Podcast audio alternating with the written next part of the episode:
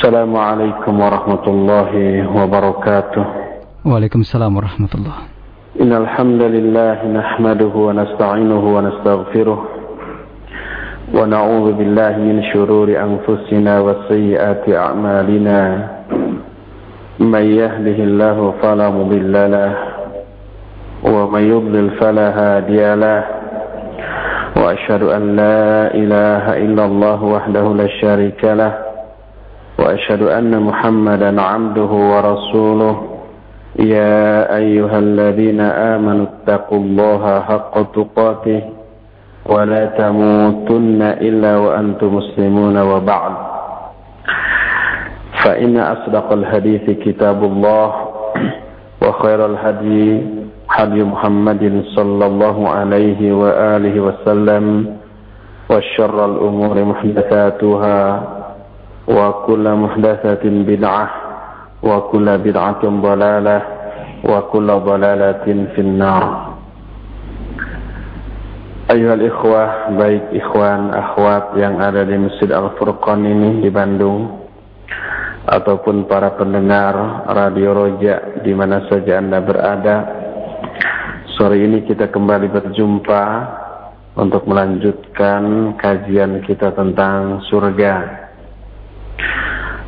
pada pertemuan Jumat yang lalu kita sudah menjelaskan bahwa keadaan para ahli surga ketika masuk surga kondisinya sama dengan keadaan Nabiullah Adam alaihi salatu wassalam. Dalam keadaan sesempurna-sempurna bentuk manusia dan seindah-indah bentuk manusia tingginya kira-kira 60 hasta. Di surga hati mereka semuanya bersih. Tidak ada kedengkian, kebencian, kecemburuan, dan yang sejenisnya. Juga fisik mereka pun bersih. Mereka tidak buang air besar, tidak buang air kecil, tidak buang keringat, tidak buang angin, tidak meludah, tidak berdahak, juga tidak beringus, bahkan mereka tidak tidur karena aktivitas mereka hanya bersenang-senang sehingga tertidur ketika harus bersenang-senang merupakan sebuah kerugian. Oleh karena itu Nabi Sallallahu Alaihi wa alihi Wasallam dalam hadis yang diterima dari Abdullah bin Abi Aufa. Beliau menyatakan an-naumu akhul maut wa la yanamu ahlul jannah. Tidur itu saudaranya mati. Oleh karena itu para ahli surga tidak tidur. Kita akan lanjutkan sekarang dengan bagaimana sih keutamaan kenikmatan surga dibanding kesenangan hidup di dunia. Kita tahu, merasakan, mengalami, menyaksikan, melihat bahwa kesenangan dunia adalah sesuatu yang real, nyata, terasa, dan tersaksikan. Sedangkan kenikmatan surga adalah sesuatu yang gaib, yang hanya sekedar dijanjikan. Oleh karena itu tidak heran apabila banyak manusia yang lebih mengutamakan apa yang real dan nyata dari kehidupan dunia ini dan hatinya sangat-sangat-sangat merasa berat untuk meninggalkan kesenangan dunia hanya untuk mengejar kesenangan akhirat yang masih gaib, masih jauh. Terlebih kesenangan di akhirat itu hanya bisa teralami setelah mati. Oleh karena itu sekali lagi banyak manusia yang lebih memilih apa yang real dan nyata, yang terasa, yang teralami berupa kehidupan dunia dan meninggalkan akhirat. Oleh karena itulah maka Allah sering kali mendorong manusia untuk lebih mengutamakan akhirat dengan cara banyak memberikan penjelasan bahwa kehidupan dan kesenangan akhirat itu jauh lebih utama dan lebih baik daripada dunia sering memberikan perumpamaan bahwa dunia ini sesuatu yang hina dina, yang sedikit, yang tidak berharga. Di antara perbandingan antara akhirat dengan dunia yang dijelaskan oleh Allah dalam Al-Quran. Pertama coba lihat surah Ali Imran 198. Allah berfirman, "Lakinnal ladzina taqaw rabbahum lahum jannatun tajri min tahtiha al-anhar khalidina fiha nuzulan min indillah wa ma indallahi khairun lil abrar." Akan tapi orang-orang yang bertakwa kepada Allah bagi mereka disediakan surga yang banyak mengalir sunyi-sunyi di bawahnya mereka kekal di dalamnya selama-lamanya dan apa yang ada di sisi Allah lebih baik bagi orang-orang yang mulia. Lihat juga surah Toha ayat 131. Ketika manusia lebih tergiur dengan orang-orang kaya yang kelihatannya seperti hanya bersenang-senang dalam kehidupan ini.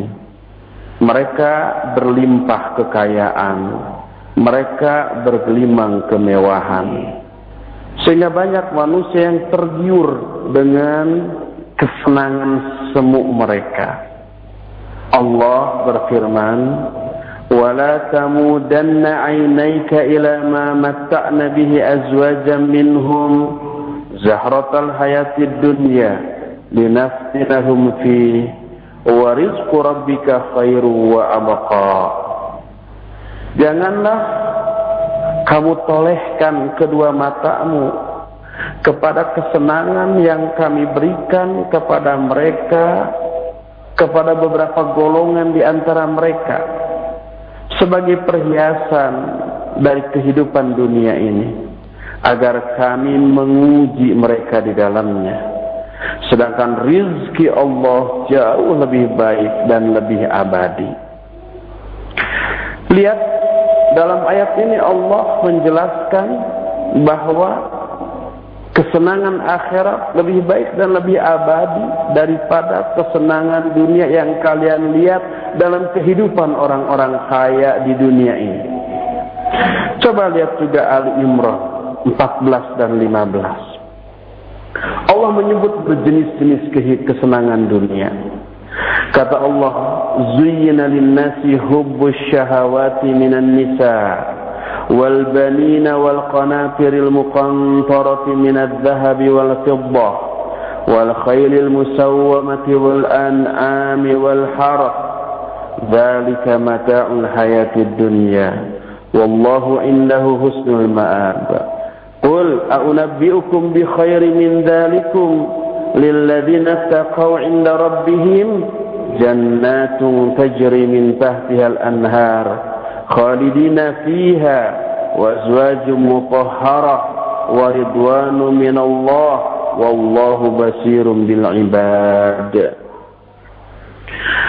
Allah berfirman telah dihiasi bagi manusia kecintaan syahwat terhadap wanita anak-anak, harta kekayaan yang melimpah ruah berupa emas dan perak, kuda-kuda yang terus terurus terlatih, binatang-binatang ternak dan ladang-ladang. Itu semua kehidupan, kesenangan hidup di dunia dan Allah di sisinya ada sebaik-baik balasan. Coba lihat. Dalam ayat ini Allah menyebut semua jenis yang membuat manusia betah dan senang di dunia. Syahwat terhadap wanita, kasih sayang kepada anak-anak, harta kekayaan yang melimpah ruah berupa emas dan perak, kendaraan-kendaraan yang saat itu hanya disebut kuda-kuda pilihan. Kalau sekarang kuda sehebat apa pun mungkin nggak dilirik. Tapi yang diliriknya kendaraan mewah yang harganya em-eman, binatang ternak, sawah ladang, termasuk juga investasi berupa bangunan, tanah, perkebunan, dan seterusnya, itu semuanya hanyalah kesenangan hidup dunia. Katakan oleh Muhammad dalam ayat yang 15-nya. Qul a'unabbi'ukum bi khairin min dzalikum lil ladzina taqaw. Mau enggak aku kabarkan kepada kalian sesuatu yang lebih baik dari semua itu bagi orang-orang yang bertakwa kepada Allah. Apa yang lebih baik dari semua kekayaan yang berjenis-jenis tadi? Surga yang banyak mengalir sungai-sungai di bawahnya. Wa azwajum ada istri-istri yang suci, bersih di dalamnya dan keriduan Allah Lihat, setelah Allah menjelaskan berbagai macam jenis kesenangan hidup di dunia, kata Allah ada yang jauh lebih baik yaitu surga Allah di akhirat. Dan banyak lagi ayat lain di antaranya kita bisa temukan dalam surah Al-Hadid. Mulai ayat yang ke 19 Allah berfirman i'lamu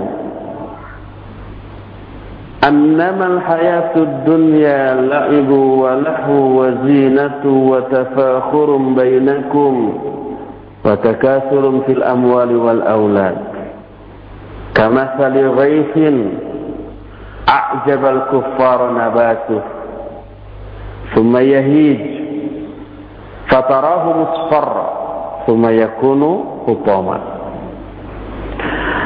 وفي الآخرة عذاب شديد ومغفرة من الله ورضوان وما الحياة الدنيا إلا متاع الغرور Kata Allah, ketahuilah oleh kalian bahwa kehidupan dunia itu laibu walahun, hanyalah bercanda dan bersenda gurau. Keherian kata orang Sunda Sekedar anjang-anjangan Laibu walahu wazinatun perhiasan.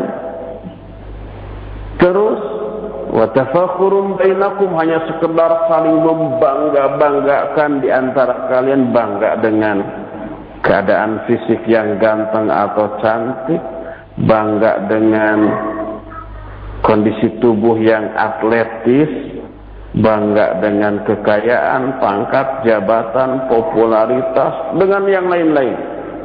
Watakasurun fil amwali wal aulad juga saling memperbanyak harta dan anak-anak. Itu semua kata Allah kama sali ghaitin a'jabal kuffar nabatu. Tak ubahnya seperti hujan yang menimpa tanam-tanaman. Lalu tanam-tanaman itu tumbuh subur gembur sampai menakjubkan para penanamnya penanamnya bangga. Petani melihat sawah ladangnya tumbuh secara sempurna bagi ukuran sebuah tanaman di dunia bangga petani itu. Sumaya hijau. Setelah itu apa yang terjadi? Yahij. Layu. Fatarahu musfarrah. Kemudian kamu lihat daun-daunnya menguning summa yakunu hutama lalu setelah itu mati itu tanaman. Seperti itulah kehidupan dunia. Wa fil akhirati adzabun syadid wa maghfiratun min Allah wa ridwan. Sedangkan di akhirat hanya ada dua. Pertama azab yang pedih. Kedua ampunan dan keriduan Allah. Mana yang dipilih kita bersenang-senangan dengan kehidupan dunia tanpa mempedulikan akhirat. Tapi di akhirat azab yang pedih. Ataukah kita ingin ampunan dan keriduan Allah walaupun tidak serakah, tamak dan loba kepada dunia. Allah menutup ayat ini dengan mengatakan wa mal hayatud dunya illa mata'ul ghurur. Kehidupan dunia ini tiada lain kecuali kesenangan yang semu yang menipu. Kalau kita lihat perbandingkan antara dunia dan akhirat, kita akan menemukan perbandingan yang sangat-sangat jauh antara kesenangan di surga dengan kesenangan di dunia. Pertama, Al-Quran menggambarkan hadis lebih merinci gambaran itu bahwa dunia kesenangan dunia ini hanya sedikit sedangkan kesenangan akhirat sangat sangat super banyak. Lihat Al-Quran surah An-Nisa 77 kata Allah Qul mata'ud dunya qalilun wal akhiratu khairul liman ittaqa. Katakanlah kesenangan dunia ini hanya sedikit. Sedangkan akhirat lebih baik bagi orang-orang yang bertakwa. Nabi Shallallahu Alaihi Wasallam dalam sebuah hadis yang diriwayatkan oleh Imam Muslim dalam kitab Sahihnya. Hadisnya bisa kita temukan pada hadis nomor 2858 dalam kitab Sahih Muslim. Beliau menggambarkan perbandingan dunia dengan akhirat itu dengan mengatakan wallahi. Pakai sumpah wallahi. Mad dunya fil akhirah illa mithlu ma yaj'alu ahadukum usbu'ahu hadihi wa asyara bis sababa fil yamin falyanzur bima tarji' demi Allah. Tidaklah perbandingan dunia dibanding akhirat kecuali seperti apabila salah seorang di antara kamu mencelupkan jarinya lalu boleh berisyarat dengan telunjuknya fil ke dalam samudra diangkat. Falyandur bima. Maka hendaklah dia memperhatikan air yang kembali yang menetes dari jari tadi. Air yang menetes dari jari itulah dunia. Samudra yang sangat luas itulah akhirat. Seperti itu perbandingannya dalam sebuah hadis sahih riwayat Imam Muslim. Karena kehidupan dunia ini hina, rendah dan sedikit, maka Allah mencela orang-orang yang lebih mengutamakan kehidupan dunia dibanding kesenangan akhirat. Lebih mengejar kesenangan dunia dengan tidak mempedulikan kesenangan di akhirat. Nah, apa-apalah. Di akhirat nanti masuk neraka juga asal di dunia sekarang kita senang. Ah banyak orang yang seperti itu. Akhirnya segala dilabrak. Mau halal mau haram tidak peduli. Mau boleh mau dilarang tidak peduli. Yang penting di dunia ini kita senang. Banyak yang seperti itu yang seperti itu banyak dicela oleh Allah dalam Al-Quran. Lihat At-Taubah 38 menyatakan, Ya ayuhalladzina amanu, malakum Idza qila lakum unfiru fi sabilillah asaqaltum ila al-ard araditum bil hayatid dunya min al-akhirah famal hayatud dunya fama mata'ul hayatid dunya fil akhirah illa qalil Hei orang-orang yang beriman. Kenapa? Ketika dikatakan kepada kalian, keluarlah kalian untuk berjihad di jalan Allah. Asaqaltum ilal ard. Lalu kamu merasa berat ke tanah, tidak mau beranjak, tidak mau pergi keluar. Itu dulu disuruh perang, karena perang resikonya mati ya. Kalau toh menang juga bisa minimalnya luka, minimalnya ngos-ngosan. Berat. Karena apa? Karena masih betah dengan kehidupan di dunia. Berat untuk keluar. Sekarang, kaum muslimin sekarang tidak disuruh perang. Karena belum ada momen yang tercipta yang mewajibkan kita untuk perang lawan orang kafir untuk di kita sekarang. Tapi yang jauh lebih ringan daripada perang. Salat berjamaah aja ke masjid bagi laki-laki ya taklim, kajian-kajian di masjid-masjid. Itu masih berat. Asaqatum ilal Apakah kamu menjadi berat? Araditum bil hayatid dunya min akhirah? Apakah kamu lebih meridhai kehidupan dunia ini daripada akhirat? Sama mata'ul hayatid dunya min akhirah illa qalil. Padahal tidak ada perbandingan kesenangan hidup di dunia dibanding akhirat. Kecuali itu amat sangat super sedikit. Dan banyak lagi ayat-ayat yang lainnya. Ini pertama. Kedua, inilah yang terafdol di antara semua perbandingan. Para ahli surga diberi makanan, minuman, perhiasan, bidadari-bidadari, istana-istana, pelayan-pelayan, peralatan yang super mewah dari emas, perak, dan mutiara. Semua yang ada di surga itu dibanding apa pun yang ada di akhirat tidak bisa dibandingkan. Saking megah dan mewahnya apa yang ada di akhirat. Bahkan hal terburuk yang ada di akhirat jauh lebih baik dengan hal terbaik yang ada di dunia. Yang ada di dunia apa yang terkotor, terjijik, terburuk, lumpur ya. Rawa bagi apa daerah-daerah rawa-rawa kayak gitulah.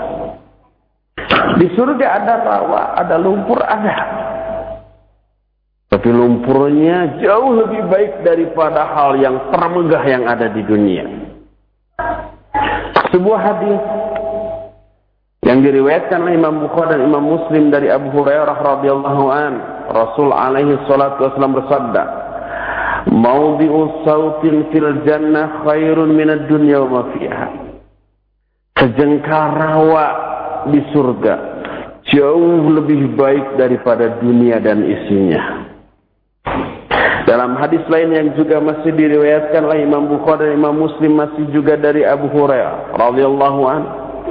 Nabi Ali sallallahu wasallam bersabda, "Wala qabu qausi ahadikum minal jannah khairun mimma tala'at alaihi syams." Kata beliau, "Qab uh, apa namanya? Kalau wadah busur yang suka disimpan di punggung itu apa? Busur panah. Panahnya kita tahu ya. Busurnya kita tahu.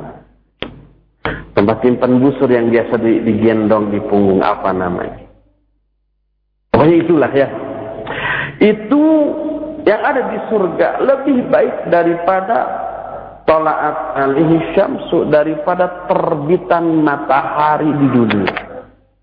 Terbitnya matahari di dunia oleh setiap orang selalu ditunggu di belahan dunia mana pun. Selalu, selalu ditunggu. Itu hal yang terindah dalam kehidupan manusia dibanding malam umpamanya. Nah, tapi yang tadi yang ada di akhirat itu jauh lebih baik daripada seperti itu. Bandingkan juga para wanita di dunia dengan di akhirat. Kita banyak umpama mengetahui banyak sekali wanita-wanita cantik di dunia ini. Tapi ada katanya, apakah kalau wanita itu berada di tengah kegelapan, kecantikannya bisa menyinari ruangan yang gelap itu? Tidak. Berbeda dengan wanita ahli surga. Rasul SAW bersabda dalam sebuah hadis Hadis ini sahih riwayat Imam Bukhari. Diterima dari Anas bin Malik radhiyallahu anhu. Beliau menyatakan, "Lau anna imra'atan min nisa'i ahli al-jannah ittala'at 'alal arab la'adha'at ma bainahuma wa la mala'at ma bainahuma rihan Seandainya seorang wanita dari wanita-wanita ahli surga melongok ke dunia. Pasti dia akan menerangi antara langit dan bumi dan pasti antara langit dan bumi ini dipenuhi dengan aroma harum yang semerbak. Satu wanita surga. Di surga ada berapa wanita? Terang dengan wajah dan kecantikannya itu dan yang seperti ini amat sangat banyak. Oleh karena itulah maka dunia tidak bisa dibandingkan dengan surga. Sehebat apa pun kesenangan di dunia dibanding seburuk-buruknya yang ada di surga masih jauh lebih buruk hal, masih jauh lebih baik hal terburuk yang ada di surga. Karena di surga tidak ada yang buruk. Rawanya jangan dibayangkan rawa seperti di kita. Itu yang kedua. Ketiga, kenapa akhirat surga itu jauh lebih baik daripada dunia dan isinya? Surga itu kosong, bersih dari semua kekotoran-kekotoran yang ada di dunia. Baik kotor hissi ataupun maknawi. Baik kekotoran yang bersifat materi ataupun yang bersifat immateri. Yang bersifat materi, yang bersifat fisik, ya lumpur, ya kotoran-kotoran yang seperti itu. Yang bersifat immaterial. Kekotoran itu seperti kata-kata yang kotor, sikap-sikap yang kotor, yang kasar gitu ya. Hati yang dengki, pembenci dan seterusnya. Dunia itu banyak dipenuhi dengan orang-orang yang kata-katanya kotor, kasar, sekebun binatang ini bisa masuk ke dalam mulut manusia semuanya itu. Dunia juga dipenuhi dengan orang-orang pendengki, pendendam, pembenci, pencemburu. Dan di dunia juga banyak dipenuhi dengan sikap-sikap kotor yang berupa kejahatan-kejahatan yang merugikan orang lain. Adapun di surga tidak ada. Bahkan hal-hal yang tadinya baik di dunia dalam waktu yang tidak lama bisa berubah menjadi buruk. Makanan umpamanya di dunia, minuman dimakan, enak, harum, lezat, mengenyangkan, bermanfaat. Ber, tak berapa lama hanya hitungan jam-jaman sudah berubah, warnanya berubah, rasanya berubah, aromanya berubah, sikap kita juga berubah. Ketika dimasukkan makanan itu amat sangat kita senangi ketika keluar hasilnya itu sesuatu yang sangat kita benci ya. Dikeluarkannya juga sambil merem sambil nahan nafas gitu ya. Menjadi kotoran. Demikian juga khamar Minuman keras yang ada di dunia menyebabkan hilangnya fungsi akal kita. Para wanita seperti secantik apa pun, sebersih apa pun, sesehat apa pun, sesuci apa pun yang normal pasti ada sisi-sisi buruknya. Mereka mengalami apa yang disebut dengan haid. Mereka juga mengalami nifas mereka juga mengalami umpamanya uh, sakit, mereka juga mengalami ingusan, mereka juga meludah, mereka juga BAB dan apa yang keluar dari mereka siapa pun sepakat buruk. Tidak ada umpau ini putri cantik sekali pas ke WC keluarnya emas dan perak. Nggak ada. Semuanya menghasilkan yang buruk-buruk. Surga bersih dan semuanya itu. Penghuni surga tidak meludah, tidak beringus, tidak berdahak, tidak BAB, tidak BAK, tidak BA, tidak BAS, dan BB yang lainnya. Khamar di surga nikmat, lezat, tidak memabukkan. Allah berfirman dalam Al-Quran surah As-Safat 46 Bayda'a ladzatil lisyaribin la fiha ghaulun walahum an anha yunzafun. Bahwa khamr di surga itu putih sangat lezat bagi para peminumnya. Di dalamnya tidak ada unsur yang memabukkan dan mereka tidak hilang akal. Airnya di surga sangat-sangat tawar. Susunya pun tidak pernah basi dan tidak pernah berubah bau, warna dan rasanya. Lihat surah Muhammad ayat 15. Anharum min ma'in ghairi asin wa anharum min labanin lam yataghayyar ta'muh ada sur ada sungai-sungai dari air yang tidak asin rasanya. Ada sungai dari susu yang tidak pernah berubah juga rasanya. Kalau di kita ya malam-malam umpamanya bikin susu. Diminum cuma sergot dua regot gitu. Kemudian nggak habis dibiarkan, esoknya sudah gimana? Sudah asam, sudah basi, nggak bisa diminum lagi yang ada dibuang wanita-wanita ahli surga suci walahum fiha mutahharah bagi ahli surga di dalamnya ada istri-istri yang suci makna suci mereka tidak haid. Mereka tidak nifas. Mereka tidak mengeluarkan kotoran apa pun tidak ludah tidak meludah tidak beringus tidak berdahak. Tidak ada hal yang menyebabkan orang lain menjadi tidak suka.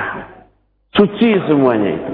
Kalau di dunia, wanita secantik, sesehat, sehebat apa pun tetap dia itu akan mengalami haid, mengalami nifas, beringus kalau dia flu, meludah, buang angin, buang air, buang hajat dan seterusnya itu akan teralami. Hati di orang-orang di dunia yang penuh dengki, penuh kebencian, penuh arogansi, sehingga menimbulkan pertengkaran dengan sesamanya. Mulut mereka pun ketika di dunia, uh, banyak lebih banyak yang kotornya daripada yang bersihnya. Keluar kata-kata yang tidak pantas dari mulutnya. Demikian juga amal perbuatannya. Itu di dunia. Adapun di akhirat, seluruh semuanya itu tidak ada ucapan tidak ada yang buruk. Allah berfirman di dalam Al-Qur'an, "La yasma'una fiha lagwa wala kadzdzaba." Di dalamnya mereka tidak mendengar ucapan yang sia-sia dan ucapan yang dusta. Wala yasma'una fiha lagwan illa salam. Di dalamnya mereka tidak mendengarkan ucapan yang sia-sia kecuali ucapan-ucapan yang mengandung keselamatan. Tidak ada yang mengandung dosa. La yasma'una fiha lagwa wa la ta'thima illa qilan salaman salama. Dalam Al-Waqi'ah ayat 25. Semua ucapannya itu baik. Tidak ada yang buruk. Demikian juga hati mereka. Oleh karena itulah maka ketika para ahli surga lolos dari syurab yang terbentang di atas neraka. Sebelum ke surga diberlakukan dulu kisos. Mungkin ada kasus yang belum terselesaikan ketika di dunia. Ada kisos dulu. Setelah kisos dilaksanakan, semua yang bersalah memperoleh balasannya dan semua orang yang didolimi telah puas dengan balasan itu, bersihlah hati mereka. Hilanglah kebencian, kedengkian, dendam yang ada dalam hati-hati mereka. Sehingga dalam hadis sahih Bukhari dan Muslim tentang ahli surga ketika masuk surga, kata Nabi sallallahu alaihi wasallam, "La ikhtilafa bainahum wa qalbun wahid, Allah. Para ahli surga ketika masuk surga tidak ada ikhtilaf di kalangan mereka. Tidak ada saling kebencian. Hati-hati mereka adalah hati yang menyatu. Semuanya bertasbih kepada Allah setiap pagi dan petang. Allah pun berfirman dalam surah Al-Hijr ayat 47 wa naza'na ma fi sudurihim min ghillin ikhwanan ala sururim mutaqabilin wa naza'na dan kami cabut ma apa-apa. Fi sudurihim yang ada dalam dada-dada mereka. Min ghillin berupa kedengkian atau kebencian. Keben kebencian, kedengkian, dendam, kecemburuan semuanya dicabut oleh Allah Subhanahu wa taala itu. Dalam hati ahli-ahli surga. Ikhwanan mereka bersaudara ala sururi mutaqabilin mereka berada di atas dipan-dipan mewah dan berhadap-hadapan. Pernah ada riwayat dari Ibnu Abbas dan Ali bin Abi Thalib bahwa anak ahlal jannah indama yadkhuluna al-jannah yashrabuna min ainin fayudhibullahu ma fi qulubihim min ghillin. Wa yasrabuna min ainin ukhra fatasruqu alwanuhum wa tasfu wujuhuhum.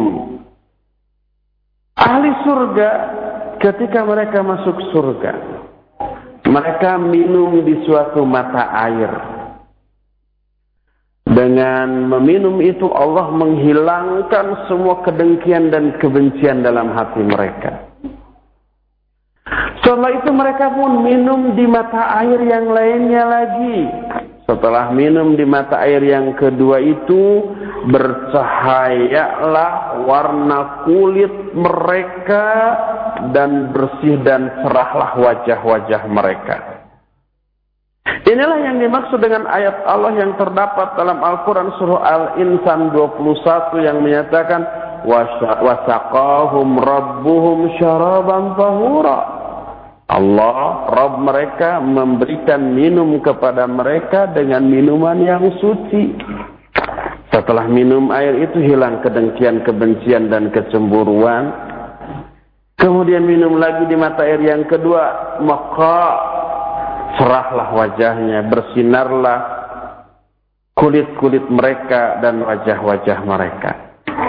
Walhasil, di surga tidak ada keburukan. Tidak ada kotoran. Baik kotoran yang bersifat materi ataupun yang bersifat immateri.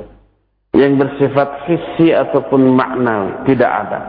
Kotor fisik tidak ada. Kotor ucapan, perbuatan, bahkan termasuk kotornya hati tidak ada. Semuanya bersih di surga itu. Oleh karena itu tidak bisa dibandingkan antara kesenangan dunia dengan surga di akhirat. Inilah yang ketiga. Keempat. Naimud dunya zail wa naimul akhirah baqin daim. Yang menyebabkan dunia lebih hina, lebih tidak berharga dibanding akhirat. Yang menyebabkan akhirat surga itu jauh lebih berharga, lebih harus dipentingkan daripada dunia adalah karena nikmat dunia ini fana, bisa hilang. Adapun nikmat akhirat bako abadi selama-lamanya, tidak ada akhirnya.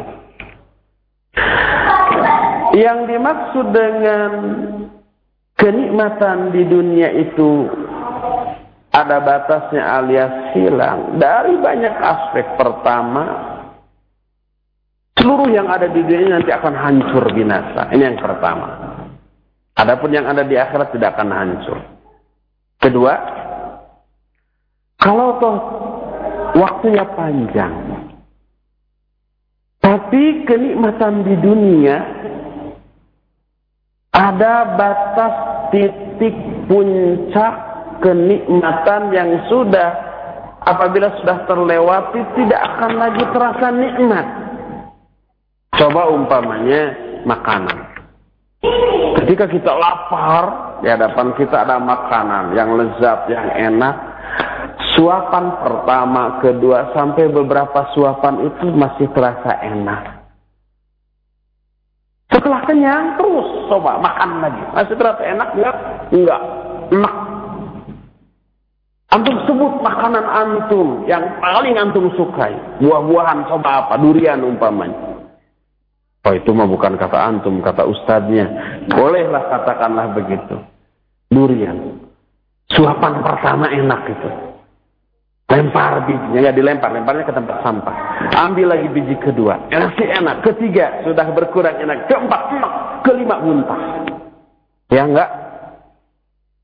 Apalagi sih selain buah-buahan, makanan apa? Sayuran, daging, kue, suapan pertama, kedua, ketiga, sampai ada batasnya nggak enak lagi, jadi enak. Apalagi selain itu umpamanya tidur, tidur itu nikmat. Kalau ngantuk, Tom seharian tidur. Pusing. Tidak lagi terasa sebagai sebuah kenikmatan. Apalagi, oh umpamanya bagi yang selama ini berjalan kaki, ngebayangkan. Andai punya sepeda ya pasti enak. Dikasih sepeda. Sehari, dua hari, seminggu, dua minggu, sebulan enak. Masuk bulan kedua, capek, gos-gosan. Kebayang kalau punya motor enak. Dikasih motor sebulan dua bulan, uh, ngebut. Kehujanan, keanginan gitu ya basah kuyup. Mikir kalau punya mobil enak. Dikasih mobil, wah seneng. Hujan nggak kehujanan, panasnya kepanasan. Cuma sayang kalau hujan ditutup kaca, pengap. Mikir kalau mobilnya ber-AC pasti nikmat. Dikasih mobil ber-AC. Lama-lama kalau sudah mobil termewah, kita bosan dengan mobil termewah. Ke mana lagi? Apa kembali ke kuda? Lebih menderita. Walhasil kenikmatan di dunia fana, semu, sementara ada titik puncaknya. Oleh karena itulah, maka kehidupan dan kesenangan dunia ini sedikit. Adapun di akhirat Nah, di akhirat tidak akan ada kenikmatan yang membosankan. Kebosanan sebuah penderitaan. Karena itulah kebosanan tidak ada di akhirat. Di surga. Demikian juga kekenyangan tidak ada di akhirat, di surga. Makan minum yang dilakukan oleh ahli surga bukan karena lapar, tidak ada lapar di sana tapi karena apa? Karena untuk menikmati rasa dari makanan itu. Dan tidak akan ada bosannya dan tidak akan ada kenyangnya dan tidak akan ada titik puncaknya dari kenikmatan tersebut. Oleh karena itulah maka Allah menyatakan, lihat dalam Al-Quran surah An-Nahl ayat 96 Ma innakum yanfadu wa ma indallahi baqin. Apa yang ada di sisi kamu akan musnah. Sedangkan apa yang ada di sisi Allah itu abadi. Surah Sad 54 menyatakan inna hadza la rizquna ma lahum min nafad. Sesungguhnya ini adalah rizki kita. Ma lahum min nafad. Rizki ini tidak akan pernah musnah tidak akan pernah hilang. Lihatlah Al-Quran, surah Al-Kahfi ayat 45 sampai 46. Allah memberikan perumpamaan tentang kehidupan dunia dan kehidupan akhirat. Kata Allah, وَاضْرِبْ لَهُمْ مَثَلَ الْحَيَاةِ الدُّنْيَا كَمَاءٍ أَنْزَلْنَاهُ مِنَ السَّمَاءِ فَاخْتَلَطَ بِهِ نَبَاتُ الْأَرْضِ فأصبح هشيما تضرعه الريح وكان الله على كل شيء مقتدرا المال والبنون زينة الحياة الدنيا والباقية الصالحات خير عند ربك ثوابا وخير أملا Berikan kepada mereka perumpamaan tentang kehidupan dunia. Yaitu seperti air yang kami turunkan dari langit Air itu kemudian menumbuhkan tumbuh-tumbuhan. Hijaulah dia. Setelah itu menguning, setelah itu diterbangkan oleh angin, kemudian gugur. Dan Allah Maha Kuasa atas segala sesuatu. Harta dan anak-anak hanyalah perhiasan kehidupan dunia. Sedangkan keabadian amal soleh lebih baik di sisi Allah balasannya dan wa khairu amala cita-cita yang jauh lebih baik. Allah pun di dalam ayat ini mengumpamakan singkatnya masa kehidupan di dunia itu tadi seperti tumbuh-tumbuhan.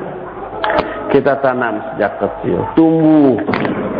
Setelah tumbuh gede dan sampai pada puncak pertumbuhannya mulailah keadaannya menurun, layu, layu, layu ketiup angin, gugur, kemudian mati.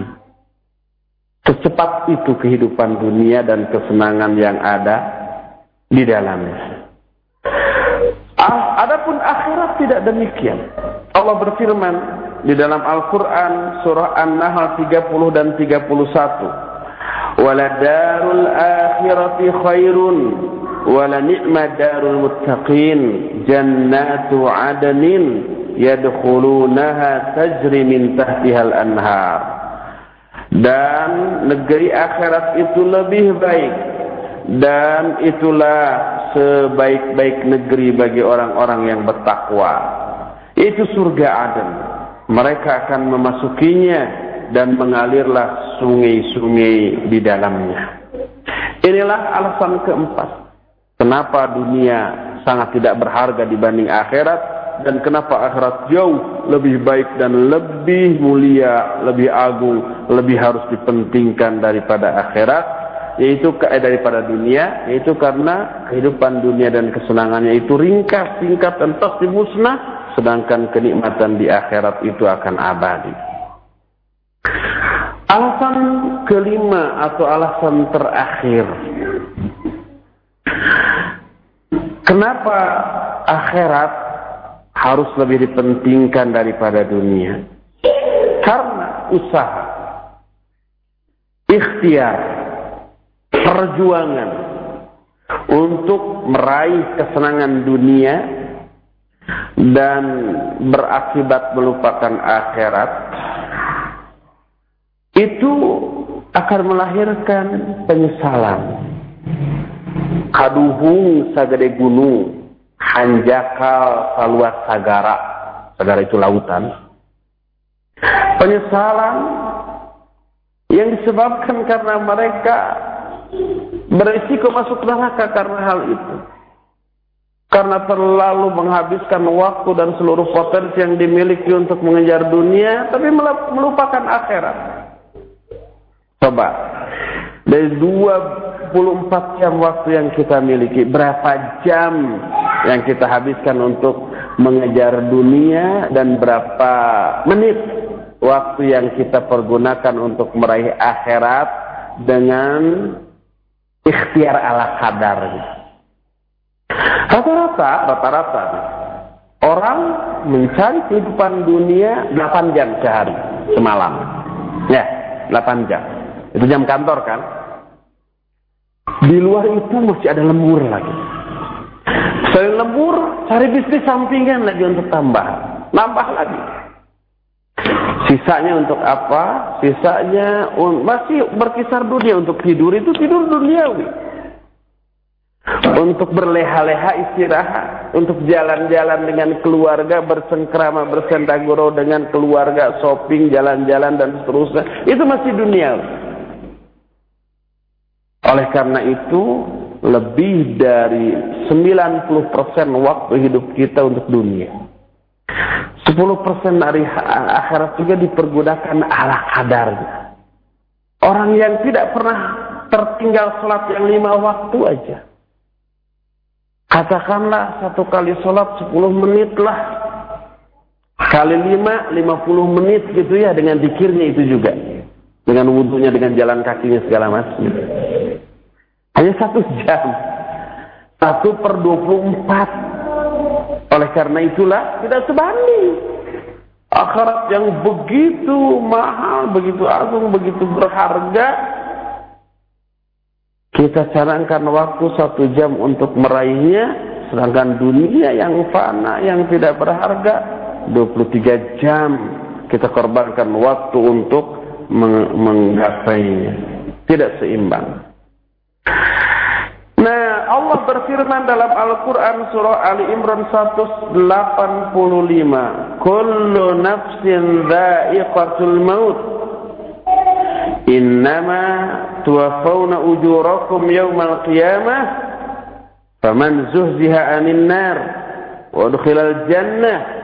Faqad faza. Wa mal hayatud dunya illa mata'ul ghurur. Semua jiwa pasti akan mengalami mati dan hanyalah kalian akan diberikan pahala-pahala atau balasan kalian pada hari kiamat. Maka siapa orang yang diselamatkan dari api neraka dan dimasukkan ke dalam surga, faqad faz. Sungguh dia ini telah beruntung, berbahagia. Wa mal hayatud dunya illa mata'ul ghurur dan kehidupan dunia ini tiada lain kecuali kesenangan yang semu, kesenangan yang menipu. Itu lima alasan pokok kenapa akhirat jauh lebih berharga daripada dunia. Dan alasan-alasan lainnya banyak. Tapi lima yang dijelaskan tadi saya pikir lebih dari cukup untuk menjelaskan bahwa dunia ini tidak bisa dibandingkan dengan akhirat. Akhirat jauh lebih agung daripada dunia. Oleh karena itu akhirat harus lebih dipentingkan oleh kita daripada kehidupan di dunia. Insya Allah pada Jumat yang akan datang kita akan membahas makanan dan minuman ahli surga khamernya ahli surga kemudian makanan apa yang pertama kali disantap oleh ahli surga kemudian bagaimana uh, kondisi makanan dan minuman ahli surga, terus kenapa ahli surga kok butuh makan, butuh minum dan seterusnya, insya Allah itu akan kita terangkan pada Jumat yang akan datang.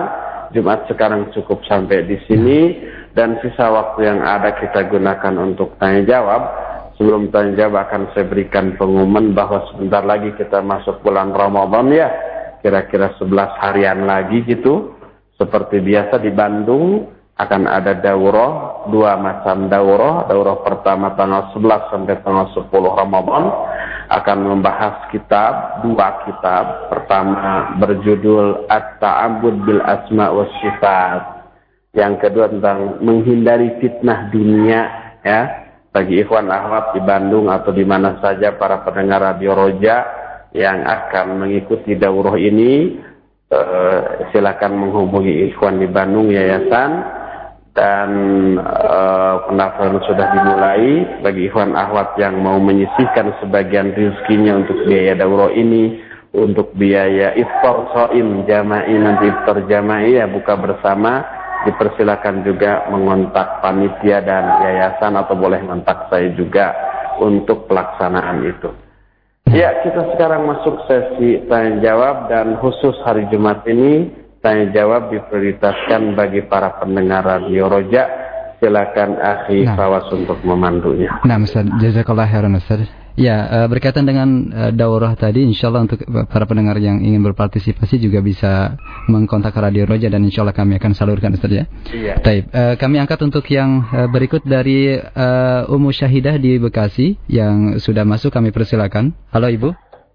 Assalamualaikum warahmatullahi wabarakatuh. Waalaikumsalam warahmatullahi Ustadz, uh, kalau misalkan kita memiliki sudah memiliki uang gitu dari hasil menabung, yang menjadi subhat itu bagaimana ya Ustadz berniat untuk naik haji uh, karena saya tahu bahwa haji adalah bagian dari rukun-rukun Islam.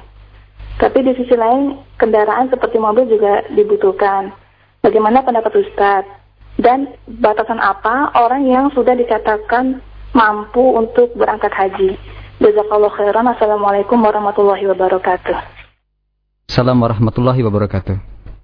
Syahidah bertanya, beliau nabi kalau uangnya gede bingung apa lebih baik untuk haji atau beli mobil haji wajib beli uh, punya mobil perlu Saya tanya, beli mobil wajib nggak umur syahidah? Tentu saja tidak ya.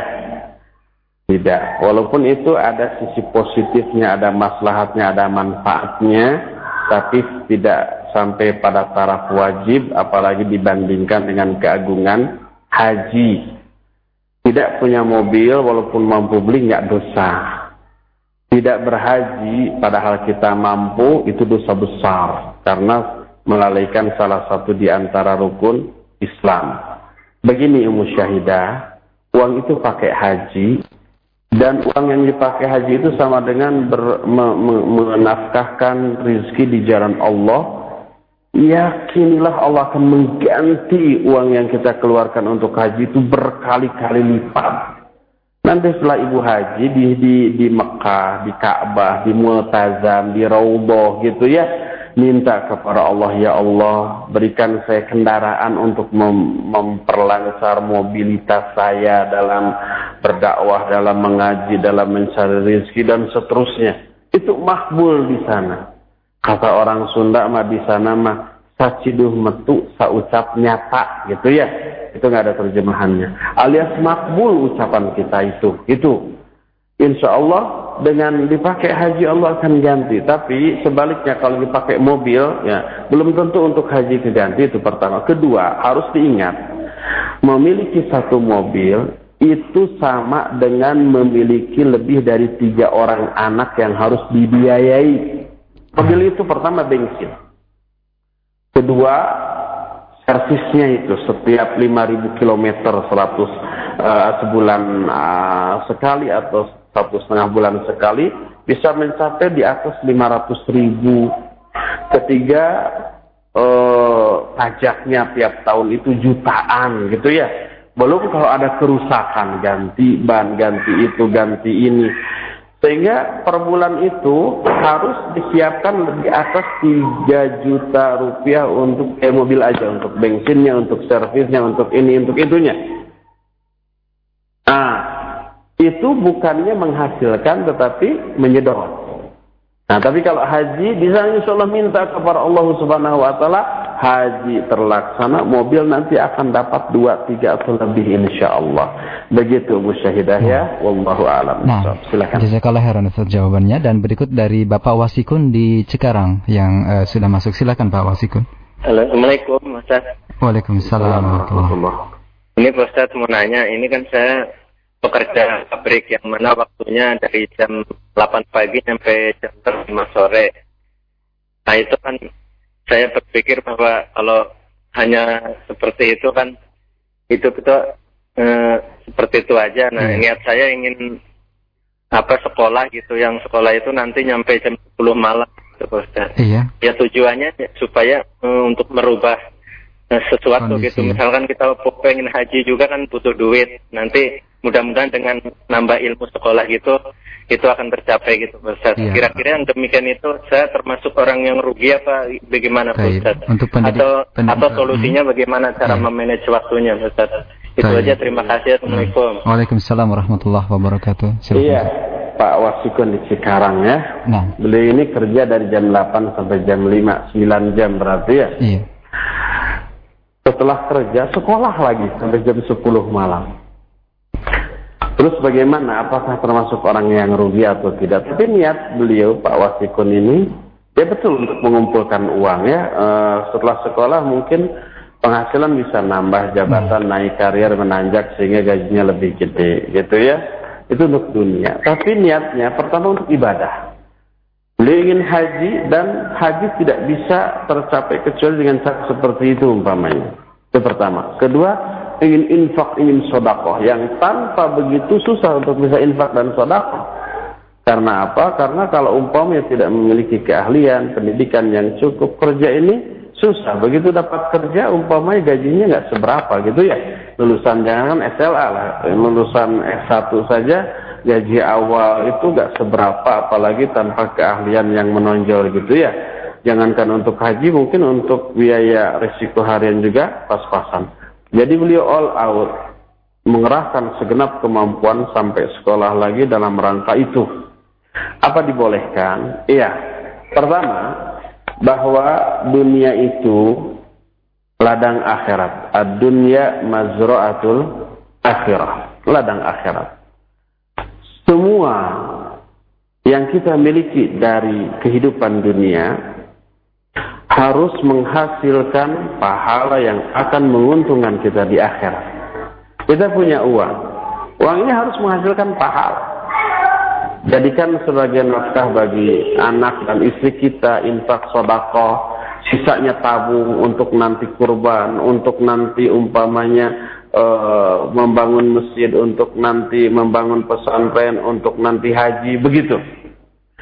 Mobil juga begitu, motor juga begitu, dan seterusnya. Motor yang kita miliki hanya hanya kita pergunakan untuk hal-hal yang baik-baik yang bersifat ibadah untuk ngaji, mencari ilmu, untuk mengantar ustadz umpama yang akan mengisi pengajian gitu ya. Ustadz yang belum punya kendaraan tentu saja. Itu diantar-antar. Itu menjadi bernilai ibadah. Nah termasuk kita itu ingin umpamanya menafkahi anak, menafkahi istri, ingin juga ada sisanya untuk infak sodako, ingin menabung untuk haji, untuk korban, untuk menyumbang ke pesantren, ke masjid, dan untuk bisa begitu tidak ada cara lain kecuali bekerja seperti Pak Wasikun tadi 9 jam sekolah lagi dengan niat seperti itu. Ya itu niat yang bagus selama dengan catatan pertama selama mengalami proses baik bekerja ataupun belajar tadi tidak mengabaikan kewajiban pokok.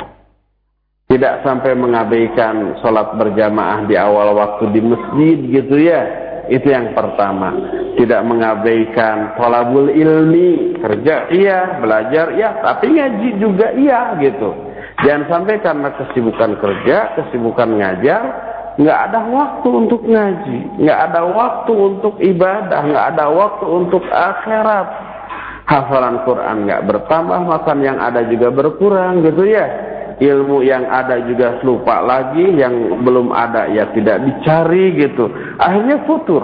Awalnya niatnya begitu, setelah kesampaian uangnya bukan dipakai haji, uangnya bukan dipakai infak sodako, jabatan yang diraih dengan pendidikan yang tinggi bukan dijadikan untuk ibadah, tapi untuk senang-senang, untuk hura-hura karena hati yang futur tadi tidak tersirami rohaninya, tidak apa namanya bertambah ilmunya, tidak uh, terimbas dengan pergaulan yang baik bahkan terpengaruh oleh pergaulan yang buruk. Nah, jangan sampai itu terjadi. Tapi kalau Pak Wasikun tadi kerjanya seperti dengan niat seperti itu, tetap kewajiban pokok dilaksanakan, sholat berjamaah, ngaji aktif di kantornya Pak Wasikun menjadi koordinator pengajiannya umpamanya. Dan betul selama ini walaupun gajinya belum begitu gede, infak sodakohnya terus keluar. Yang menunjukkan nanti kalau sudah gede gajinya, infak sodakohnya juga lebih gede. Jangan sampai begini sekarang masih kecil gajinya, nanti aja infaknya kalau udah puluhan juta gitu ya. Udah puluhan juta gajinya baru infak sodako. Tapi sekarang juga ada kelebihan tidak infak tidak sodako. Yang seperti itu dijamin setelah uang yang melimpah juga tidak akan infak dan sodako. Karena infak sodako itu bukan berdasarkan ada kelebihan atau tidak ada dari harta kita. Tapi timbulnya dari karakter, dari akhlak. Kalau akhlaknya dermawan, dia akan infak sedekah walaupun sangat minim. Allah berfirman, "Alladzina yunfiquna fis sarra'i wad Orang orang bertakwa adalah orang yang berinfak baik dalam keadaan senang ataupun dalam keadaan susah, dalam keadaan sempit ataupun dalam keadaan lapang sampai para sahabat ketika oleh Rasul SAW diiming-imingi besarnya pahala infak sedekah kalau yang punya uang langsung waktu itu yang nggak punya uang ke pasar dulu kuli dulu. Setelah kuli dia dapat upah dari itu masih bercucuran keringat datang kepada Rasul SAW ya Rasulullah ini infak dari saya. Tadi nggak punya tapi tertarik tergiur dengan pahala infak walaupun nggak punya kuli dulu sambil bercucuran keringat ini diberikan ini infak dari saya itu karakter orang yang dermawan jadi saya doakan Pak Wasikun ya niat itu tetap dijaga kemudian jaga juga kewajiban-kewajiban pokok selama menjalani proses kerja dan belajar tadi. Nah. Wallahu a'lam bishawab. Teruskan. Nah, jazakallah khairan jawaban Ustaz dan berikut kami angkat pertanyaan dari Pak Sumarna di Jakarta yang bertanya, Uh, Ustadz, mohon uh, saya beri nasihat. Uh, saya setiap hari berada dalam kondisi kekurangan di dalam harta, walaupun saya ber sudah berupaya untuk uh, bekerja keras. Saya masih bisa menahan lapar, akan tetapi uh, lain halnya dengan istri dan anak-anak saya. Saya sering merasa uh, orang yang hina di dunia ini dan bahkan saya beberapa kali merasa suudzon di dalam menghadapi kehidupan ini kepada Allah Subhanahu wa taala. Mohon nasihat uh, agar uh, saya dan keluarga bisa menerima takdir ini dan bisa uh, selamat uh, menghadapi kondisi di dunia saat ini. Jazakallah khairan ya Ustaz. Iya. Ada yang bertanya kondisi penanya ini secara ekonomi sangat lemah lebih banyak kurangnya daripada pasnya. Sebagai suami laki-laki tidak makan sehari dua hari dia kuat. Tapi ketika melihat yang merasakan kelaparan itu adalah anak dan istrinya, hatinya pun mulai luluh. Matanya pun mulai basah. Jiwanya pun mulai bergetar. Rata-rata kelemahan orang bukan pada ketika dia mengalami penderitaan, tapi terletak pada apabila dia melihat orang yang sangat dia cintai menderita, anaknya, istrinya, dan seterusnya. Itu seperti itu. Apa yang harus dilakukan? Ya, pertama ikhtiar. Ikhtiar lahir dan batin. Ikhtiarnya ya dengan cara berusaha mencari rezeki yang halal dan tetap optimis, ikhtiar lahirnya begitu, apa pun caranya. Selama itu halal, dagang ke, jual jasa ke, atau apa saja yang bisa dilakukan, boleh meumpamanya mencari peluang ke ikhwan-ikhwan yang memiliki apa namanya kelebihan, umpamanya dia bisa memperkerjakan orang lain, boleh. Mungkin di Jakarta dari Jabodetabek banyak yang seperti itu, ya. Kemudian usaha batin, berdoa, tetap yakin dan husnudzon kepada Allah Subhanahu wa taala.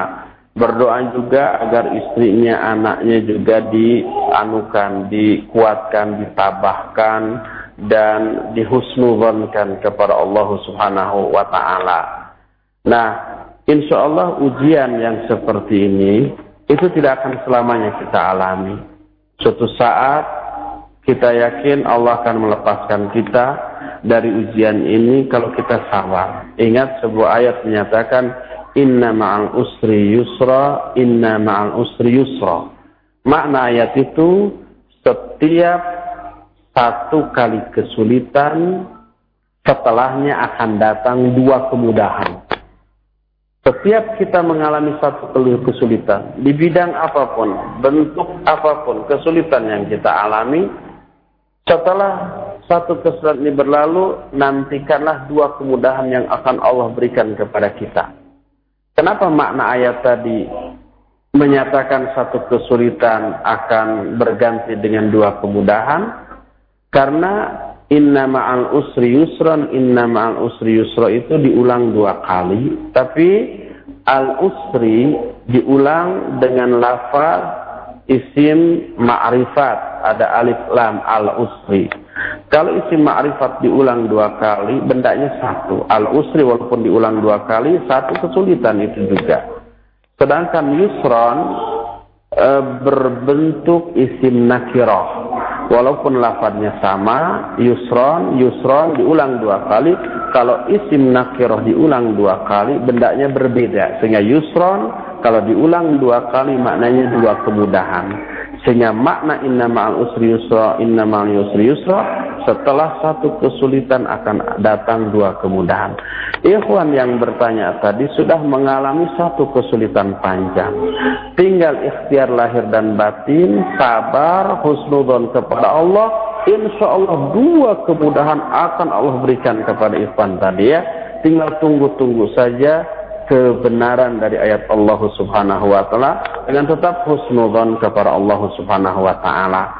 Saya mengimbau kepada ikhwan dan akhwat di Jabodetabek khususnya yang memiliki kelebihan agar memiliki kepekaan sosial ya kepada ikhwan-ikhwan lain hmm. yang mungkin ada yang tidak makan, ada yang tidak minum atau yang makan pagi tidak sore atau sehari makan sehari tidak gitu ya. Nah. Coba adakan kepekaan uh, kepekaan sosialnya harus diini lagi. Hmm. Kemudian yang keduanya mungkin radio roda roja bisa memfasilitasi. Sebab saya menerima keluhan seperti bukan sekarang aja, yang SMS, yang telepon sambil nangis-nangis hmm. itu banyak gitu ya tapi di luar kota rata-rata Jabodetabek. Kalau di Bandung malah belum pernah ada yang yeah. saya dengar seperti itu. Coba difasilitasi. Kita semua berdoa semoga ikhwan tadi ya dilapangkan dadanya dan dilancarkan rizkinya, dikeluarkan dari kesulitannya dengan tetap ditabahkan dan disabarkan dalam menerima semua ujian. Nah. Wallahu a'lam. Baik, yang terakhir silakan. Silakan. Baik, Ustaz uh, yang terakhir dari pendengar kita, Ustaz uh, Ustaz pernah menjelaskan bahwasanya uh, Nabi Muhammad SAW uh, akan bertemu dengan umatnya di tiga tempat yakni uh, di jembatan, syurat, kemudian timbangan atau mizan dan di telaganya. Yang jadi pertanyaan apakah uh, seluruh uh, kaum Nabi Muhammad SAW ataukah hanya umat-umat pilihan yang bisa bertemu dengan beliau? Jazakallah khairan Ustaz. Hadis yang ditanyakan oleh penanya tadi ketika salah seorang sahabat meminta syafaat kepada Nabi Shallallahu Alaihi Wasallam. Lalu kata Nabi syafa aku akan melakukan. Lalu sahabat ini Anas bin Malik bertanya kata beliau Aina atlubuka? Di mana aku mencari engkau? Lalu beliau menjawab utlub utlubni awwala ma ala syirat carilah aku olehmu di awal pencarian kamu di atas syirat lalu Anas menyatakan fa illam alqika ala syirat kalau aku tidak menemuimu di atas syirat di mana lagi aku harus mencari? Cari aku di haud. Ya kemudian cari juga kalau tidak ada di sana di mizan dan kamu tidak mungkin tidak menemui aku di salah satu di antara ketiga tempat itu. Apakah ini hanya umatnya saja? Iya, ini khusus umat Rasul Shallallahu Alaihi Wasallam. Adapun umat-umat lain, nanti setiap umat akan mengikuti nabinya masing-masing. Sehingga pengikut Nabi Musa tidak akan mengikuti Nabi Muhammad Shallallahu Alaihi Wasallam Sebaliknya pengikut Nabi Muhammad SAW tidak akan mengikuti nabi-nabi yang lainnya. Jadi semua orang hanya akan mengikuti nabi yang diutus kepada mereka. Demikian jawaban saya ya sampai di sini saja kawas dan nah. para pendengar Radio Roja karena nah. waktunya sebentar lagi maghrib insya Allah kita berjumpa kembali hari Jumat yang akan datang. Nah, Subhanakallahum bihamdik asyhadu an la ilaha illa an astaghfiruka wa atubu ilaik walhamdulillahi rabbil alamin wassalamualaikum warahmatullahi wabarakatuh.